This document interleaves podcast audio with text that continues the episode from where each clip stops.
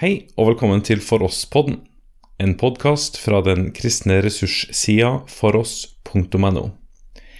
Denne episoden er et intervju mellom Kristoffer Nordby og den engelske presten Sam Albury om identitet og seksualitet i vår kultur. Velkommen til podkast for foross.no. Vi er her i Oslo i dag med Sam Albury, som har hatt en liten møtehelg i Misjonssalen Oslo over temaet identitet i Kristus, med spesielt fokus på identitet og seksualitet og forholdet dem imellom. So, Sam, uh, welcome to Oslo. Welcome to this podcast. Thank you for having me. Good to be here. It's very nice to have had you here in Oslo this weekend, and uh, we've had the pleasure of um, listening to several uh, of your talks uh, this weekend. And for the listener, information before we started this interview, we're gonna um, touch into several topics, especially concerning identity and sexuality. But for the listener, if you want to have a broader perspective and listen more to Sam Allberry's teaching, you're gonna go into the podcast for Misjonssalen Oslo, and you can listen to his uh, talks in length. So, Sam, um, firstly, a bit about yourself. Can you introduce yourself for the Norwegian listeners to this podcast? Sure, I um, I come from England, so born and raised in England. I live just outside London, near Windsor. Um, have been a church pastor for the last fifteen years, but for the last three years, I've been working for a ministry called Ravi Zacharias International Ministries, and really doing work in evangelism, apologetics, so, trying to think through some of the big questions people have about the Christian faith and then how we respond to those questions. Very interesting. Um, because um, the subject for this weekend in Misjonssalen was identity in Christ. Uh, and the first question for you in this podcast would be in what way is the bible's message a liberating message for people who knows about challenges in their own life and struggles with their identity um, because who doesn't struggle with that? Exactly, yeah. it's a universal issue, and the reason it's a universal issue is because all of us are sinners, and that means we are we're alienated from God. Uh, there's a sense in which we're also alienated from ourselves. We don't properly get who we truly are. We don't have access to who we truly are. And so we try to come up with our own identities. Some people put their identity in their family or in their wealth or in their career or in their sexual feelings. But all of us get it wrong. And the only way we can truly know who we are is by meeting the God who made us and knows us thoroughly. Hmm. And so, your opinion is that the Bible has an answer to this question Who am I? Yes. And your point being is that identity is found um, where, and a different question could be, um, how does this really happen? How can we find our identity from the scriptures, from the Bible? Well, it, it, it's often been said that we know who we are when we realize whose we are. Yes. So when we realize that we we belong to God, that we we we are creatures made by a creator, we're image bearers reflecting the one who whose image we bear, um, that immediately begins to shape our identity in a in a healthy way, because we realize actually it's not I'm here and there's a universe around me and I've got to figure out who I am. It's God is there, He has made me, so that gives me my identity. So in Christianity, you don't have to discover your identity, you don't have to create your identity, you receive it from your Creator. And because He's our Creator, He actually does know who we are. And so the identity He gives us will always fit, it will always work. And as Christians, it, it's even more special for us because we recognize that we're, we're created to be in the image of God. We, we believe that Jesus is the true and perfect image of God. And therefore, when we come to Jesus, we're actually becoming the real us that God had always intended us to be. The more we become more like Jesus, the more we fill out the person God always intended for us to be. Hmm. Be- because, um, as you're saying now, the Bible has a different take on identity. Um, and also from your talks this weekend, comparing this to the culture's answer to who am I and what defines my identity, you made a point of sexuality being a very um, central part of how the culture defines our identity. Um, and what is your your grasp or your take on uh, where is the place for sexuality when we're trying to find our identity, and in what ways are the culture giving us the wrong answer? Yeah, well, culture gives us the wrong answer in two ways. The first way is by saying that sexuality is the core of who we are. Uh, so your sexual feelings are your core identity. Um, that's that's not healthy. Uh, that's not a healthy way to think because it basically means you have to be fulfilling that part of your life in order for you to be who you truly are. So your whole sense of fulfillment and worth and sense of flourishing is contingent on fulfilling your sexual feelings. The other mistake it makes uh, in our culture is to say that our sexuality is our attractions. Hmm. I think the Bible would say our sexuality is our, our biological sex. So my sexuality is actually male. Uh, it's not about who I feel attracted to, it's about how God has made me. So biblical sexuality, I think, is more bodily in its conception than our secular views of sexuality, which tend to be more emotional and psychological. Yes. Um, because this is um, uh, you've been very uh, honest with us in sharing your testimony in in Oslo this weekend, um, because you have somewhat of a special journey in this. Some of our listeners are familiar with uh, your speech uh, at this synod meeting in England some years ago, um, but um, could you share some of your own uh, kind of just shortly uh, uh, in a short some some sentences your your own journey in this uh, and your own kind of struggles with this um, yeah so when i was a, a, teenager i wasn't yet a christian and i gradually became aware that i was attracted to other guys. Um, took me a while to to kind of figure that out and to come to terms with that but that was very much the case in my teen years and i was just beginning to recognize that when I then became a Christian. Yeah. So I've had to think about these issues not just from a theological point of view because it's a conversation going on in our culture, but I've had to wrestle with these things personally, existentially, because it's been part of my own experience. Yes.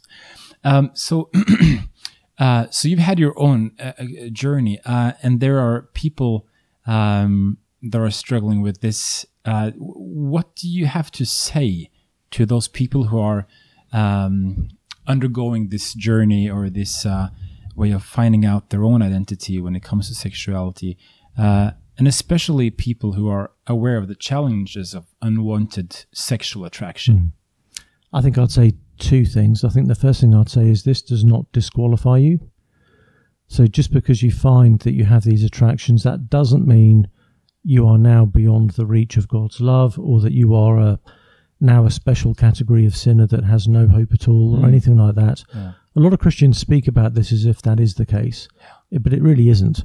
Um, the Bible shows that all of us are kind of broken in this area of life. All of us are skewed, disordered in our affections, in our feelings, in our attractions. And so you mustn't feel as though just because you're wrestling with this as a form of temptation, that it must mean you are now, you know, beyond the reach of God's grace and God's love, or that He must think you are just repellent and disgusting. Um, so it doesn't disqualify you. The second thing is it doesn't define you. Um, because our culture puts such a focus on sexual feelings, it's very easy to think, well, if I'm attracted to guys, that is who I am. And it really isn't. There's so much more to us than our sexual feelings, um, irrespective of what those feelings might happen to be. So it's not. It should not become the lens through which you see yourself, or the lens through which other people see you.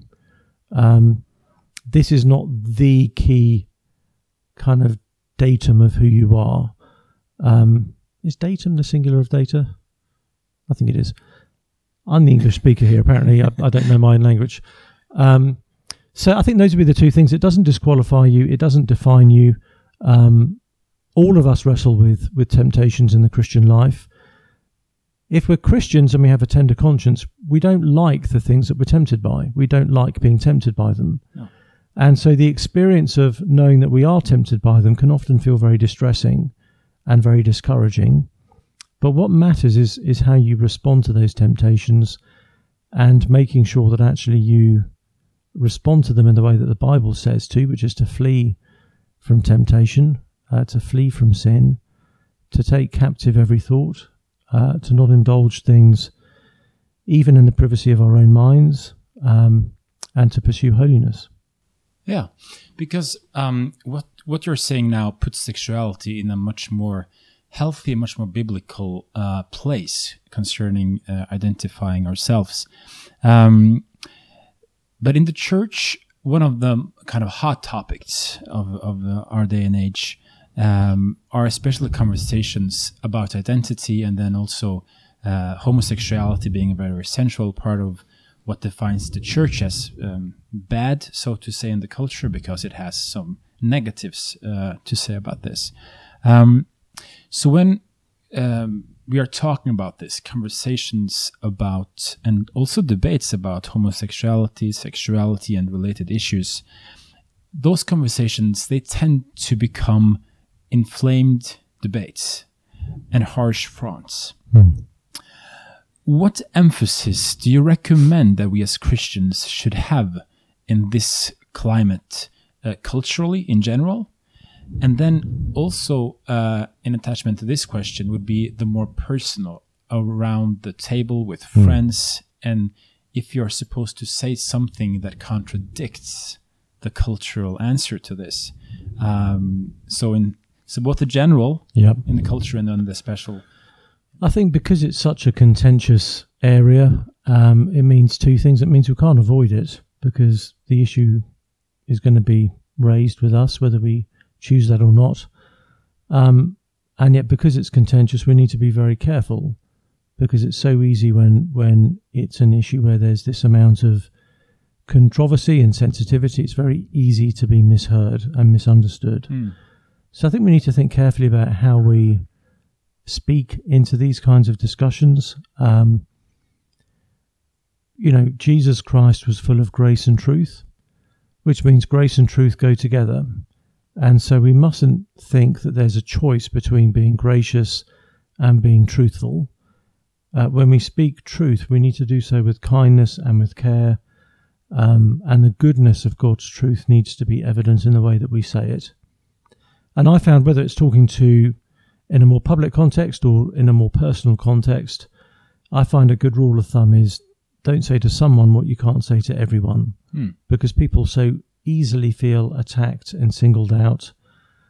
I find it just useful to, to think, well, okay, in as much as this issue comes up and I'm drawn into conversation, I'm only going to say things about this that I know apply to everyone. That way, people are seeing how the message of Jesus lands on everyone in this part of life before they hear how it lands on them specifically. And hopefully, that will just give them a wider gospel framework that will mean they're less likely to misunderstand what it does mean for them personally.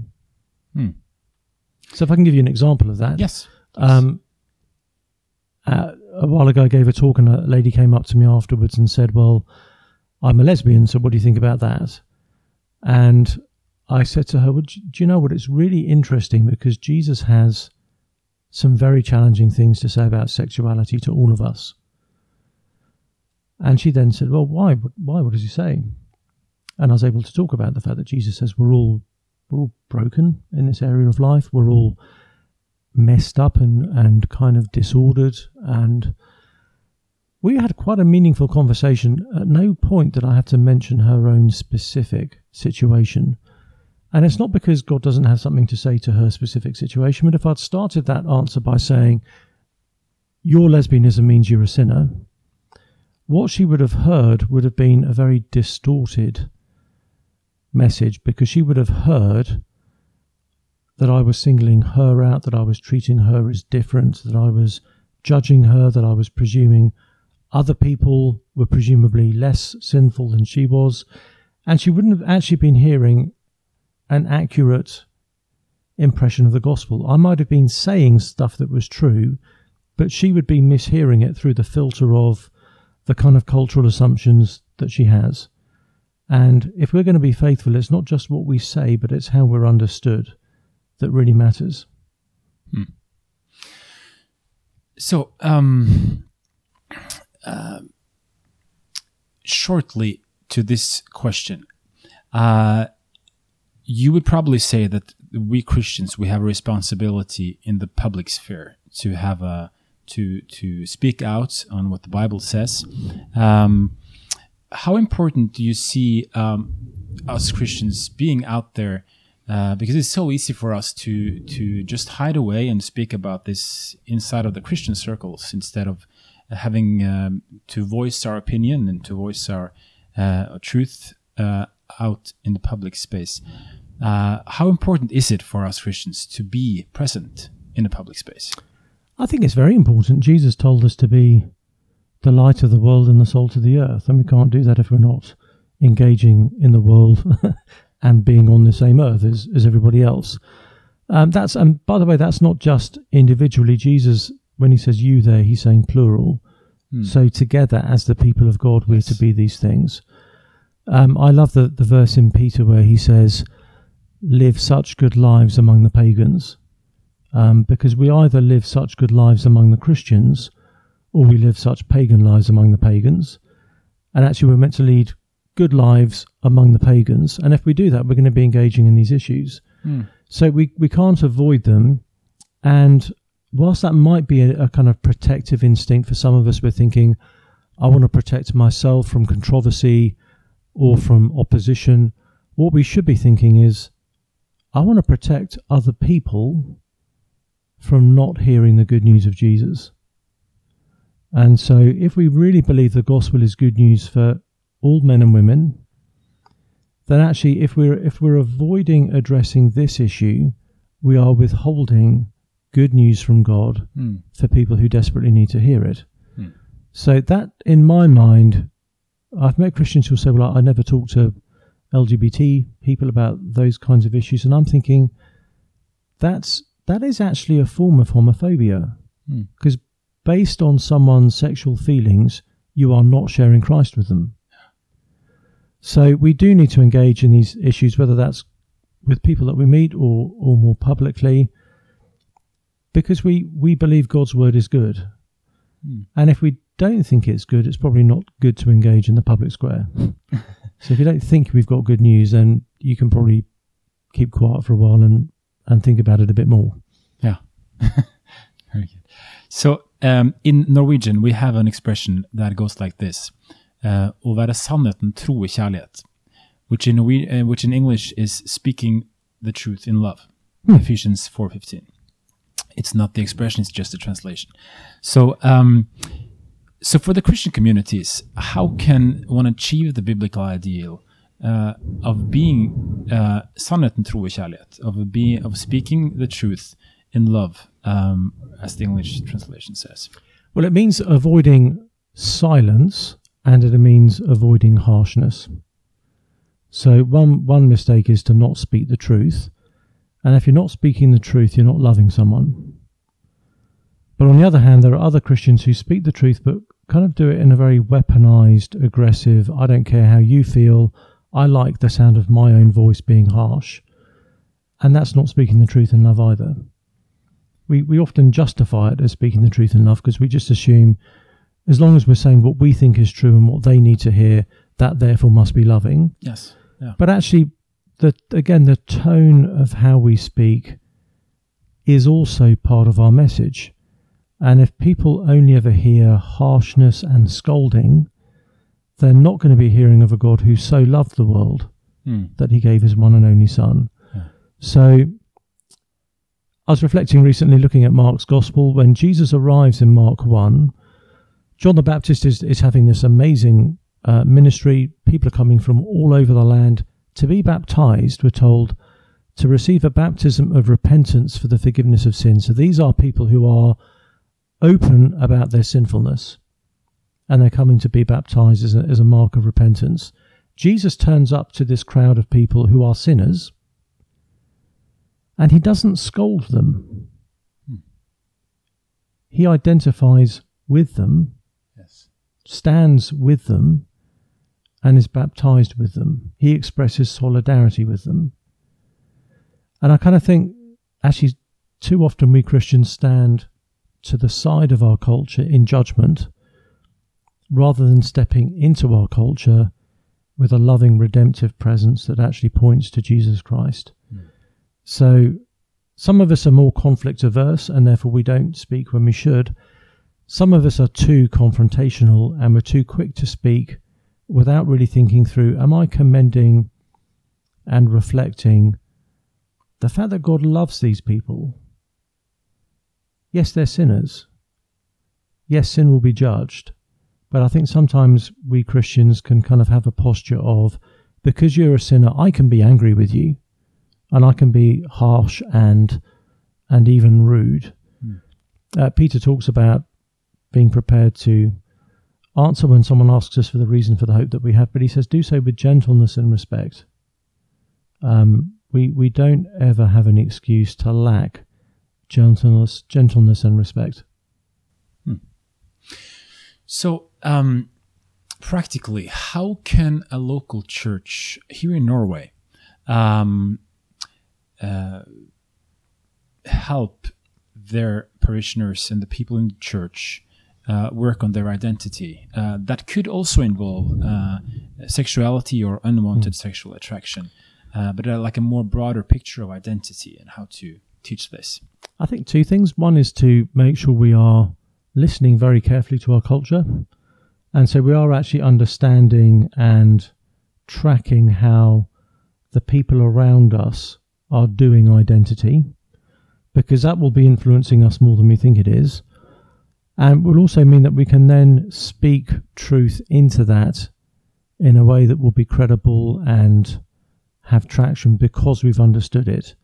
So that's one thing is to understand our culture. The second thing is to is to really read scripture looking at how it shows us our identity and there's this is all through the New Testament because the most common terminology the New Testament has for a Christian believer isn't the word Christian. Um, Paul doesn't generally call us Christians. I'm not sure Paul ever calls us Christians, but he repeatedly calls us those who are in Christ. Yes. And that terminology is significant because that, that tells us who we are. Uh, it's not just that I'm a Christian because I'm a fan of Jesus or I vote Jesus. I'm in Christ, which means I'm now united to Jesus. I'm I'm bound up with him in a way that is spiritually real. I've been so identified with him that that actually now is who I am. I am who I am in Christ. So Paul says in Galatians 2 verse 20 that it is no longer I who live, but Christ who lives in me. Hmm. And the life I live, I live by faith in the Son of God who loved me and gave himself for me. I think I remember that rightly. Paul says he no longer lives. Paul died. Who now lives is Paul, the man in Christ. That's the real Paul. And we see this in the shape of his letters. He'll, he'll typically spend the first part of his letters telling us who we are in Christ before he then tells us how to live out that new reality. Hmm.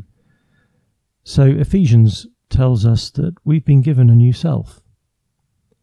So what we then do as Christians is we put on the new self and take off the old self because that's who we are. Who we are has now changed. So when sin comes up to me and says, Hey, me again, let's do this thing again, same as usual, off we go, I have to say, uh, actually, that that's no longer who I am. That's who I was. That's what we did. Hmm. That's what the old Sam was into. But actually, there's a new Sam now. I've got a new self. I've got a new heart, a new mindset, and and the great difference this makes to our fight for holiness is it shows us that me trying to be holy isn't me trying to be someone that I'm clearly not. And so often that's the feeling we have is I'm just trying to be someone I'm not. I, I can't do this. It's not me. Actually, my identity in Christ shows me that I am never being more true to myself, my deepest self, than when I'm pursuing Christ likeness. Hmm. Because that's the real me. That's when I'm most going with the grain of my truest identity. And it's sin, actually, is when I'm going against who I am. Huh. So identity actually changes everything because the New Testament message is be who you now are. But you need to understand who you now are to know how to be that person. Otherwise, what we do is we, we take our non Christian selves with our non Christian mindset and our non Christian affections and we try and behave like Christians. And we can't do that. We need to be reborn, reselfed, re identitied in order to then live out the new identity Jesus has given us. Yes, that's that's brilliant, and uh, it's really helpful uh, having that as a starting point, talking about identity and and um, closing this uh, talk would uh, would uh, go further on on that answer. Uh, if the listeners want to dive into this subject of identity and sexuality, which resources have been helpful to you, and which one would you recommend for for the listener or for us to to read or to listen into? There, there are lots of useful resources. Um, a really good resource on what it means to be in Christ is a book by Kevin DeYoung called The Hole in Our Holiness. So that really helps on how being in Jesus then shapes the kind of lifestyle we're meant to live and actually empowers us. Um, in terms of of sexuality, um, there's a number of very useful books that take us through what the Bible teaches about sexual ethics, sexuality, what that means, what it points to. Um, one that springs to mind is a book called Mere Sexuality by Todd Wilson, where he looks at this idea that actually biblical sexuality is our givenness as male and female. Um, I've written a short book called Is God Anti Gay that looks through some of the Bible's teaching about homosexuality and how we engage with that, how we live with that, how we commend that. Um, so there, there are various things out there, lots of good resources available. Thank you so much. Well, thanks, Sam, for uh, having uh, this talk with us and for us that I know. My pleasure. Thanks for having me. Du har nå hørt et intervju mellom Kristoffer Norbye og den engelske presten Sam Allberry om identitet og seksualitet i vår kultur. Finn flere ressurser, og vær gjerne med å støtte oss på foross.no.